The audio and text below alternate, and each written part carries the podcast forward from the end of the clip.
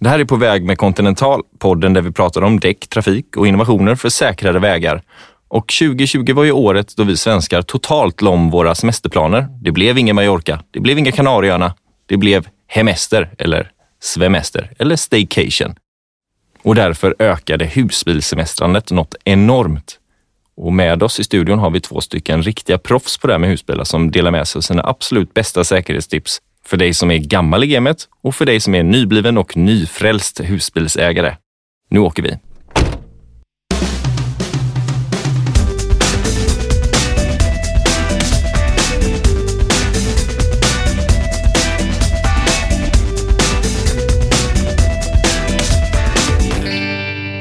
Ja, ni är hjärtligt välkomna till ett nytt avsnitt av På väg med Continental. Och här sitter jag tillsammans med HP som driver en däck och bilverkstad i Upplands Väsby. Han kan sjukt mycket om husbilar och campingdäck. Och Andreas Adolfsson som är säljare på Continental i Stockholmsregionen. Välkomna hit! Tackar, tackar. Tackar, tackar. Andreas och HP, berätta lite vilka ni är och vad ni jobbar med. Ja, jag jobbar på Continental som sagt som säljare på eh, Stockholmsregionen och mot eh, verkstäder och återförsäljare och har gjort det i åtta år. Och jag, HP, eh, heter egentligen Heinz P. Tradlund. Eh, driver en däck och bilverkstad som heter Prodob, professionell däck och bilservice, där vi har specialiserat oss på husbilar sedan 11 år i, tillbaks tiden. Och Andreas är min säljare på Continental. Full rulle i dessa semestertider då, kan jag tänka mig HP. Ja, nu är det ju fullt ös. Alltså, nu bokar vi servicer eh, nästan tre veckor bort. Det har vi aldrig gjort förut. Skönt med ett litet break i vardagen och vara med i en podd, kanske? Absolut. Det här Ja. är ju mycket trevligt. Få prata om riktiga grejer. Ja. Trevligt. Men hur kommer det sig att ni har sånt stort intresse för just husbilar? Ja, jag är ju nästan född i en husvagn kan man säga. Ja. Inte långt ifrån. Har vi rest hela Europa med husvagn. Sen för ungefär en eh, 2015 så insåg jag på en gång att äh, men det funkar inte längre med husbil, husvagn. Så att, eh, ja, då vart det husbil. Och sen har det blivit husbil sen dess och en jäkla massa mil. Mr Husbil Europa. helt enkelt. Ja, det kan man. Alla säger att jag är Mr Husbil. Jag förstår inte varför, men eh, jag är lite ödmjuk och sådär. Så att, eh, Ja, vi, bara no- så? vi är bara några minuter in, jag börjar redan förstå varför. Men Andreas, hur kommer det sig att du är intresserad av det här segmentet? Oj, ja det, det är en bra fråga. Men det handlar väl om däck i huvudsak och allt med däck är ju roligt. Eh, Det spelar ingen roll om det är personbil, eller husbil, eller lastbil eller liknande. Men eh, det är väldigt roligt med tanke på att segmentet växer så pass. Och att eh, just att vi har speciella husbilsdäck också, vilket vi är ganska ensamma om. Premium husbilsdäck till och med. Ja, Mm. helt rätt. Men HP då, jag har, jag har fått höra att du är, en, eh, du är lite av en kändis eh, bland husbil eh, och husbilsägarna. Eh, Du skriver lite olika tidskrifter om just ämnet husbil och husvagn. Berätta lite om det. Hur gled du in på det? Ja, det var mest att eh, började väl för en åtta år sedan när vi ställde ut på Kistamässan. Mm. På husvagnsmässan första gången. Eh, med lite stapplande ben. Vart väl inte så jättebra. Eh, sen så vart det Elmia och sen vart det Kista. Så nu har det blivit Elmia-Kista. Det är de två största mässorna som finns i Sverige. Eh, och jag är lite blyg så jag säger inte så mycket. Jag kanske pratar kanske lite för mycket ibland.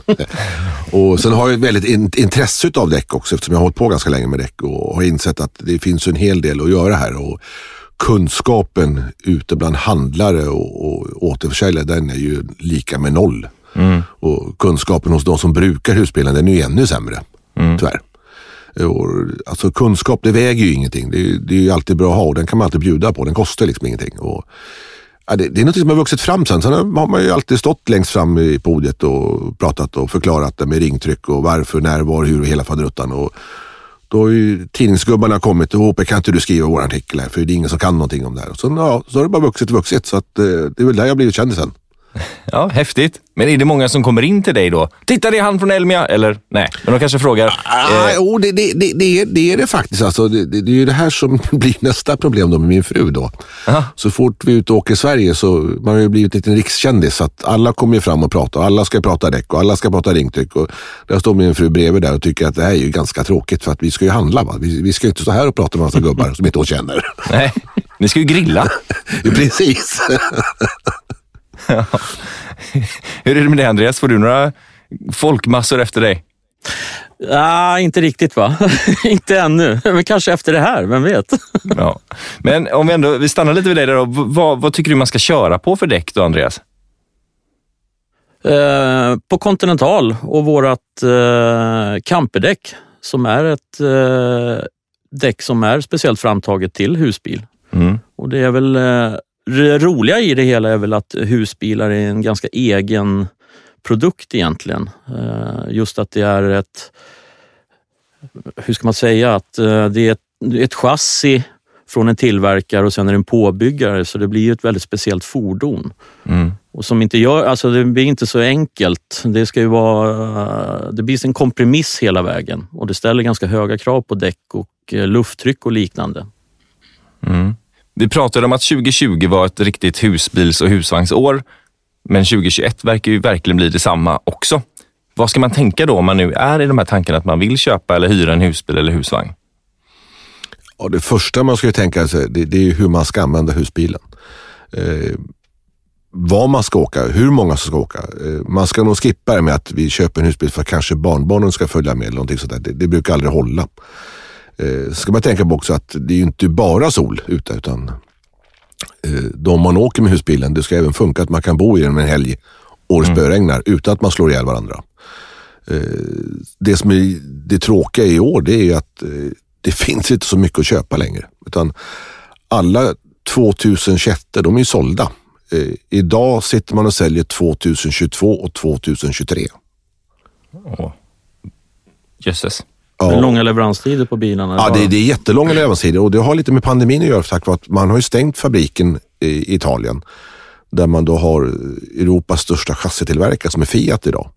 Eh, många har nu gått över till Mercedes eh, för att liksom, man vill ju garantera att man får fram kassorna. Och det, det är ju där problemet ligger eh, hos många tillverkare, man får inte fram delar.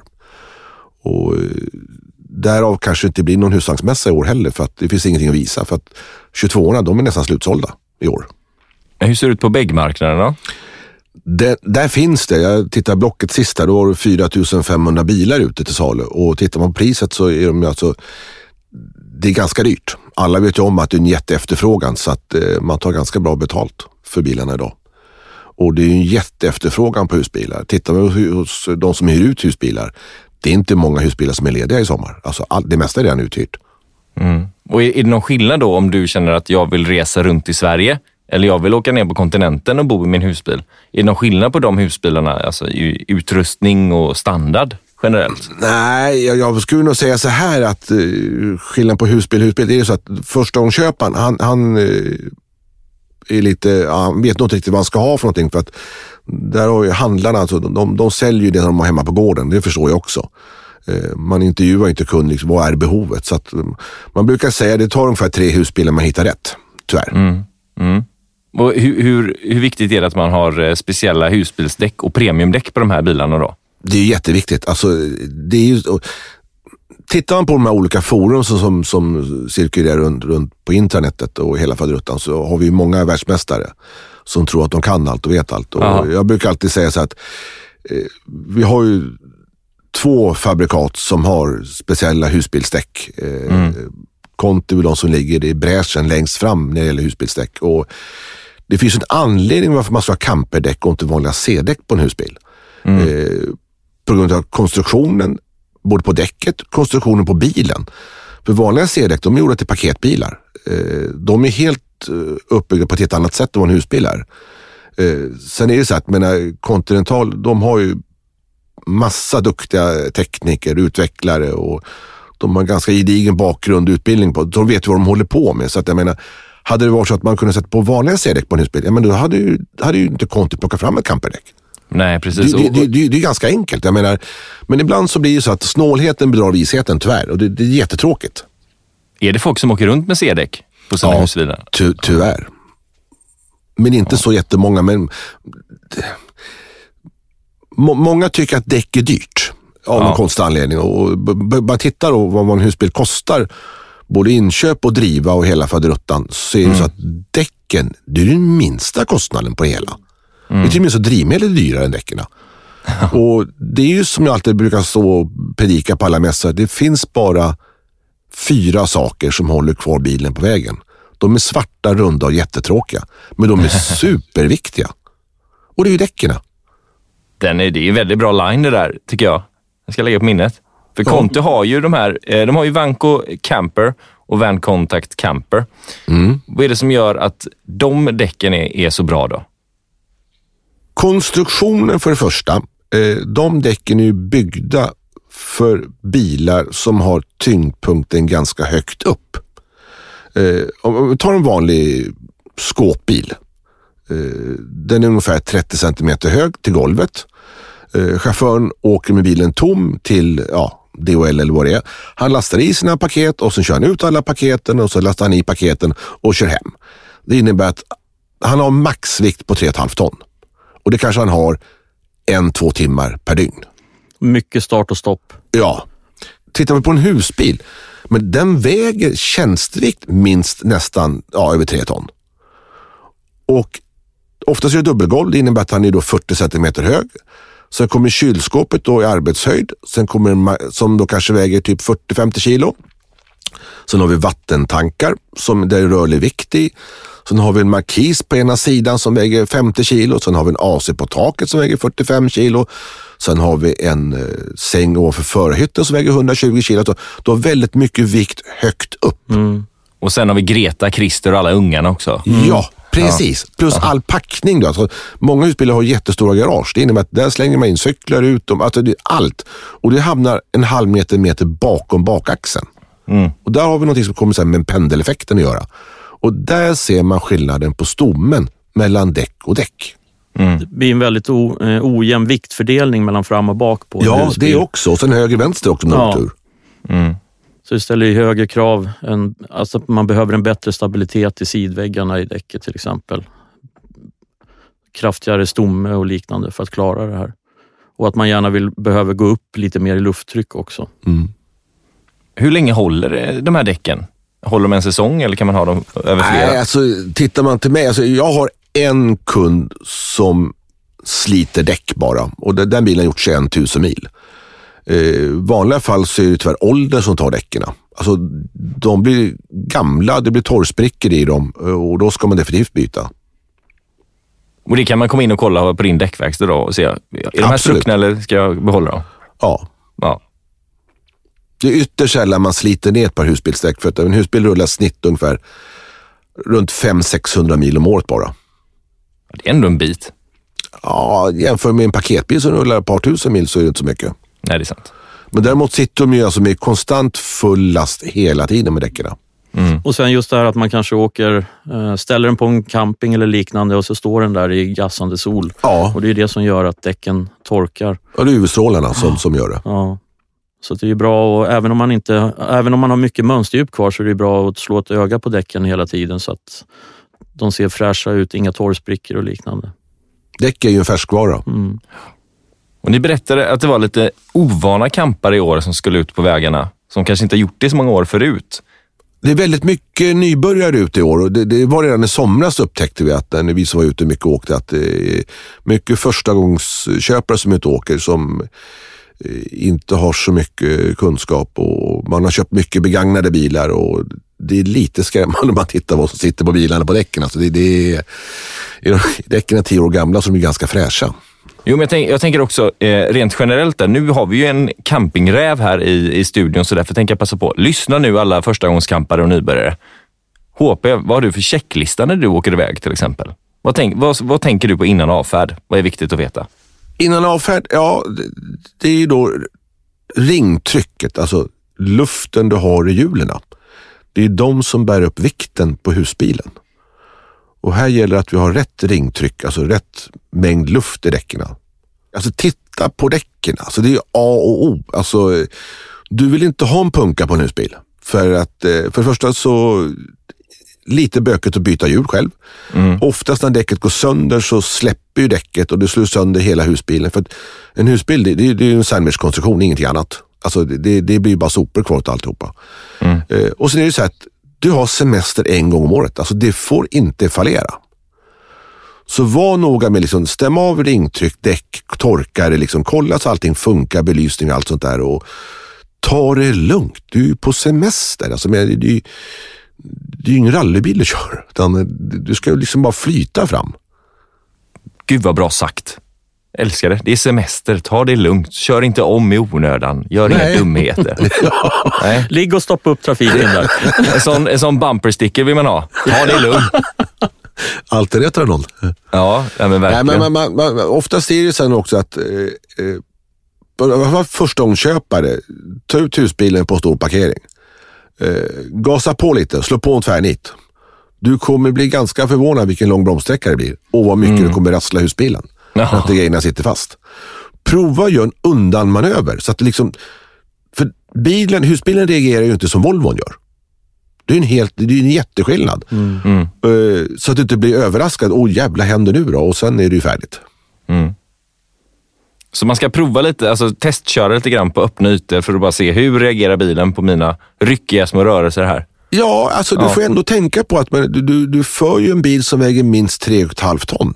Alltså, Volvon den väger hälften. Det är ju en liten skillnad på bromssträckan. Mm. Ha koll på höjd och bredd och längd.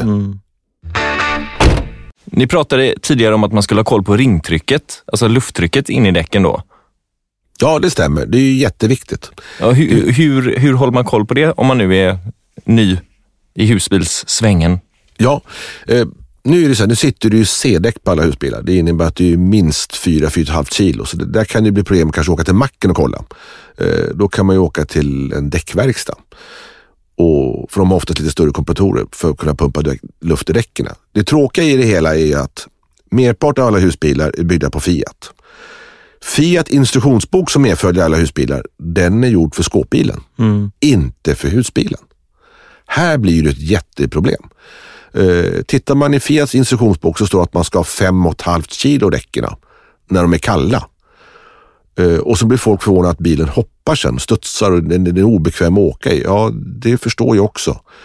Eh, det är ju så att luft är en komprimerad sak eh, vid friktion. Alltså den, när, när däcken börjar rulla mot asfalten så, så, så nöter de, det blir en friktion. Det innebär att däcken blir varma. När däcken blir varma då expanderar Luften. luften, då stiger ju ringtrycket helt plötsligt.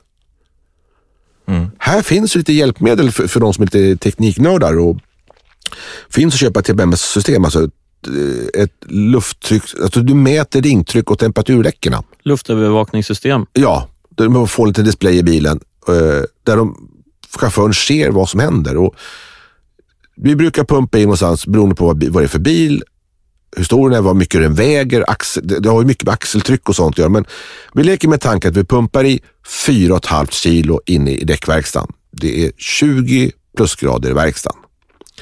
Bilen rullar ut sen på E4, den kör ungefär 7 kilometer. Då har ringtrycket, alltså däcktrycket, då har det ökat med 0,5 till 0,7. Det är alltså nästan ett kilo till. Nackdelen blir ju då andra halvårs på vintern. Vi pumpar i 4,5 kilo i däckverkstan. Vi tar ut bilen. Det är 20 minusgrader ute. Då skiljer 40 grader helt plötsligt. Då har vi inte 4,5 kilo ringtrycket. Då har vi kanske 4 kilo. Så, så luft i däcken, det bör man kolla ganska ofta beroende på först vad det är för temperatur, var man åker, hur man åker. Och det roligaste är, det är att det enda som är gratis att äga en husbil, det är luften i däcken. Och det är det vi är sämst på att kolla. Det är helt fantastiskt. The best things in life are for free. Men om man är osäker på det här, då kan man väl, då kan man väl lämna in den och fråga en kunnig person som du själv exempelvis. fråga en däckverkstad, ring en däckleverantör. Det finns lite från däckleverantör på nätet med, med ringtryck och lufttryck och axeltryck. Och, allt sånt där. och det är så att bara för att grannen har x antal kilo sina hjul så behöver inte det betyda att du ska ha likadant. Utan Det hänger ju hela tiden på vad väger bilen. Det är Ja, och sen hur mycket last du har och vad du Ja. har proppat in i bilen. Ja. Våga prova, för som sagt en husbil är en specialkonstruktion egentligen. Det finns ju inget riktigt så här ska det vara. Nej, det finns ju inga regler som, som säger så. Och, ja, det, man, man får prova, men frå, fråga gärna fackfolk som kan där och definitivt inte husvagnshandlare, för de kan definitivt inte det här. Och investera i ett övertrycks eller ett lufttrycksövervakningssystem. Ja, det, det kostar inte så många kronor och där ser du själv, alltså, vi har ju monterat in ganska många bilar och då säger man åt chauffören, titta nu på det här när du sitter och kör så förstår vad jag pratar om. Och så ringer man tillbaka till kunden efter en vecka och frågar, ja hur har det gått då? Oh, fan, hopp. Alltså, det är ju helt sanslöst. Jäklar vad det... Ja, men förstår vad vi pratar om? Luft mm. expanderar när det blir varmt. Mm. Men du nämnde ju också att det var skillnad på sommar och vinterhalvåret det här. Ja, det har ju med temperaturen att göra. Hur är det? Finns det, finns det premiumdäck även på vintern? Nu ska jag damma av kärran och dra till Sälen här. Självklart finns det det. Det finns både dubbdäck och nordiska friktionsdäck, alltså dubbfria vinterdäck och även eh, europeiska friktionsdäck om man ska ner och åka i Europa. Och hur viktigt är det då att välja rätt vinterdäck och rätt sommardäck? Ja, det är ju väldigt viktigt. Man eh, bör ju verkligen ta sig en funderare på vart man ska använda bilen till exempel. Om man ska åka uppåt i landet, åka skidor eller liknande eller om man ska åka ner till Spanien eller så. Och då är det ju, åker man uppåt så är ju dubbdäck ett bra val. Åker man kanske neråt lite i södra Sverige, nordiska, dubbfria. Men ska man ner i Europa så är nog ett, ett europeiskt ett mycket bättre val. Det är betydligt varmare och då blir de nordiska däcken väldigt mjuka. Och för de som behåller sina däck året runt, vad har vi att säga till dem? Rött kort, ajabaja. Eh, det, det, är så här, vi, vi, har ju en lagstiftning i det här landet. Det gäller vinterdäck och det är väl kanske på egen lagstiftning på sommardäck också. Det får man inte glömma bort det är att det är ganska mycket vikt man åker med och de flesta husbilar är framhjulsdrivna. Så att friktionsdäck eh, norrut skulle jag inte rekommendera. Eh, där skulle jag rekommendera vinterdäck med dubb på. Eh, det säljer vi mest utav. Eh, sen har vi de här människorna som åker med samma däcktyp året om. De köper alltså vinterdäck som är odubbade och så ska de åka med dem under sommarhalvåret också. Mm. Eh, och det är så att däcket är inte uppbyggt för det. Alltså däcket är konstruerat för att det ska rulla under kalla klimat. Nu ska däcket plötsligt börja rulla under varma klimat med en massa vikt på. Och säkert fel ringtryck i också. Du nöter ner däcket ganska fort samt att du får en väldigt instabil bil när du ska göra en undanmanöver. Eh, du ska tvärnita, du kanske ska svänga också. Eh, har du otur så regnar det också. Då blir det inte roligt. Man tappar ju våtegenskaper. Och ett eh, vinterdäck är ju gjort för ungefär upp till 5-7 plusgrader. Sen tappar det ju egenskaper ganska fort. Och åka då en varm sommardag med nordiska dubbfria vinterdäck till exempel och det är 25 grader. Det, är, det blir för mjukt helt enkelt. Det blir instabilt. Bilen mm. blir ju som en... Den kommer ju bara gunga fram och sen kommer du glida på, på klackmönstren bara. Ja, ganska katastrofala bromssträckor eh, och framförallt vid en undanmanöver också. Det, det är för mjukt helt enkelt. Sommardäck mm. på sommaren, vinterdäck på vintern. Så enkelt är det. Ja. Väldigt lätt minnesregel kan jag tycka. Är det skillnad på hur man ska förbereda sin avfärd om man åker genom Europa eller Sverige? Ja, det är det. Eh, det första du måste ha koll på, det är körkortet. Eh, bilarna väger ju lite olika. Eh, har du tagit körkort, har du haft ett B-körkort före 1 juni 96 och inte haft det inkallat sedan dess, då kan du nästan köra vilken tung husbil du vill. Mm. Du kan köra en husbil som väger 12 ton. Bara den är eh, klass B2-reggad, alltså mm. personbils 2. Eh, och den körkortsregeln gäller ju även i Europa. Eh, och här gäller det att ha koll på hastighetsregler, viktregler och hela faderuttan där. Och där finns det ju från Transportstyrelsen man kan titta, men i Sverige får vi till exempel en husbil som väger 3 ton eller väger 12 ton, den får ju åka det som står på hastighetsskyltarna. Men så fort vi kommer till Danmark eller Finland, Norge, då, då gäller ju de, de, de nationella reglerna, alltså deras egna regler. Och där bör man ha koll på, om bara för att stå 110 i Danmark så innebär det inte att du får åka 110. Du kanske bara får åka 80. Mm -hmm. Så där kan vara bra att ha koll på också. Eh, sen har vissa betalvägar, alltså typ tar Österrike, Slovenien, Kroatien. Alltså, där får man ju betala, alltså Österrike, då har man en vignett, alltså klistermärke i framrutan om bilen väger upp till 3,5 ton. Mm. Över 3,5 ton, ja, då ska du inte en dosa i bilen och då ska du åka på lastbilssidan genom alla vägtullar. Det ska man också lite koll på. Men ja, turistbyråer, ring, kolla. Alltså det finns jättemycket tips på nätet att få. Inte vettigt också att kolla, eh, vad heter det, mm, såna dekaler. Eh, många städer i Europa har ju miljözoner och liknande. Så ja, kallade dekradekaler. Ja, alltså miljözon ja. det ska sitta i framrutan, höger nederkant ska sitta på. Eh, det sitter ju oftast på alla husbilar. Eh, annars får man ansöka om det. Det är ju ganska dryga böter annars om man råkar missa den biten. Det är mycket att ha koll på. Framförallt som förstagångskampare kanske, eller husbilsfarare. Ja, eh, det finns ju ganska mycket hemsidor man kan läsa på. Man, man bör vara lite påläst eh, innan man åker ut i Europa. Så jag skulle rekommendera, om man aldrig åkt husbil innan, aldrig campat innan, kör första sommaren i Sverige. Känn efter ordentligt. Men jag börjar förstå det du berättade i början om att folk kommer fram till dig och frågar och snackar. Nu förstår jag varför. Det är en djungel. Ja, det, det, det, det är en djungel alltså. Och det finns ju vissa saker som, som är A och där, Nu kommer vi tillbaka på däcken igen. Alltså. Jag menar, bilen ska ändå rulla kanske 700 mil med bra lass i. Och det, ska, man, det sista man vill på en semester det, det är att man får en punktering eller man kör sönder någonting. Så att, eh, ha koll på däcken. Det är A och O. Och det är som man brukar säga, som allt annat i, i det här livet, att man får det man betalar för. Alltså, däck en billig försäkring. Det är fyra handflator eller sex handflator i backen som håller hela familjen kvar på vägen.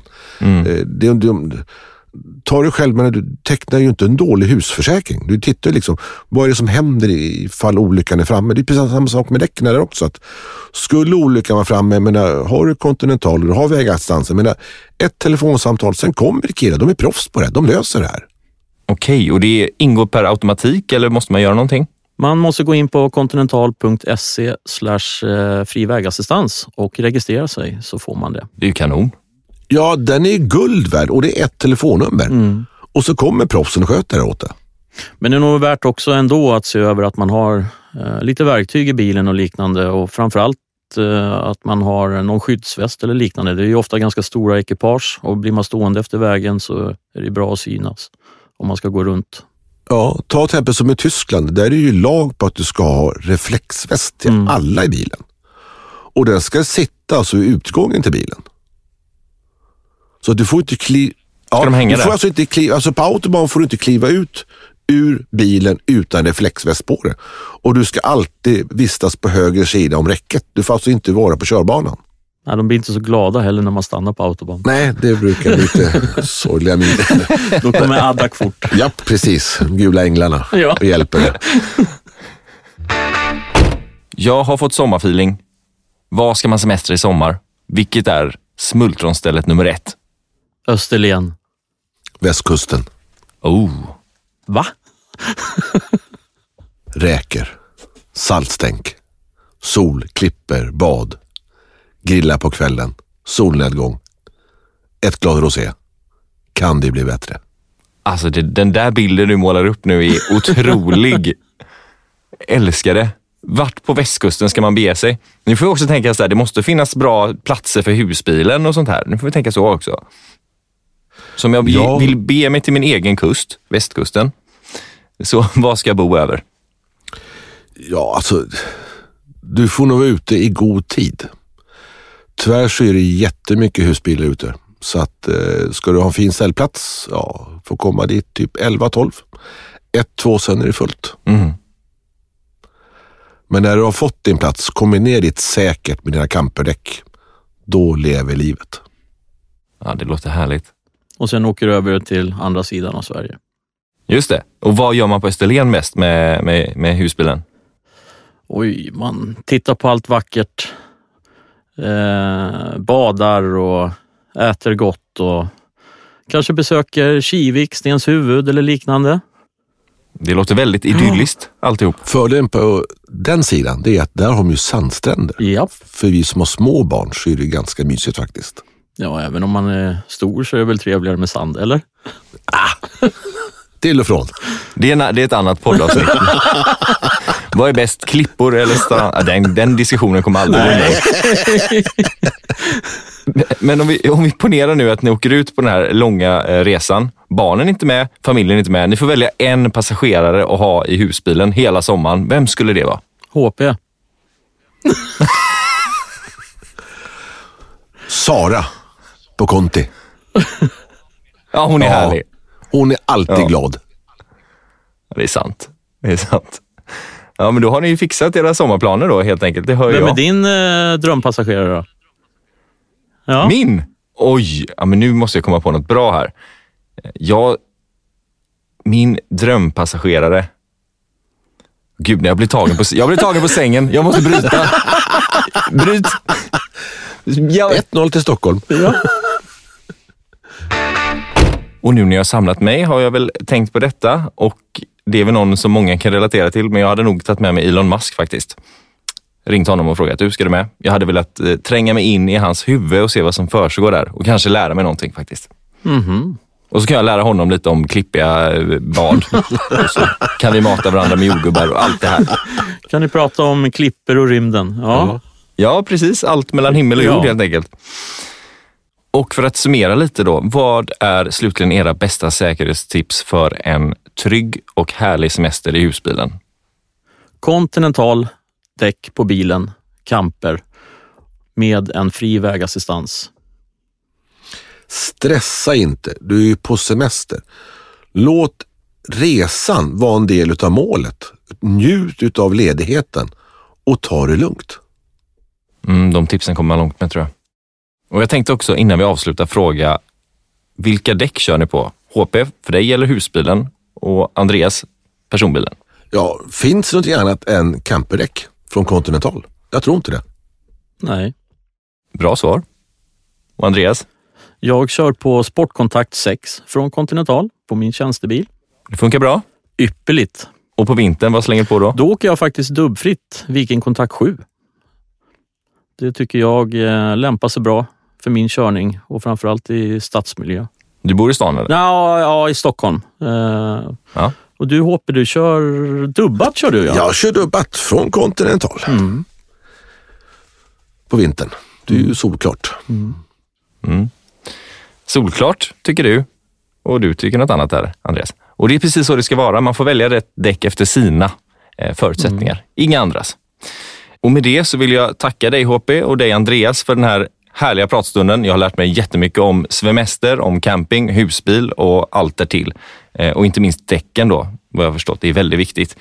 Är ni intresserade av de här produkterna som vi har pratat om bland annat så finns det länkar i beskrivningen av det här avsnittet där ni kan läsa mer om det. Och återigen, tack snälla för att ni var med. Stort tack för att vi fick vara med. Ja, absolut. Och glöm inte alla där ute att följa Continental på Facebook och Instagram också. Och vi ses snart igen i ett nytt avsnitt av På väg med Continental. Ha det fint. Hej då! Hej då! Hej då!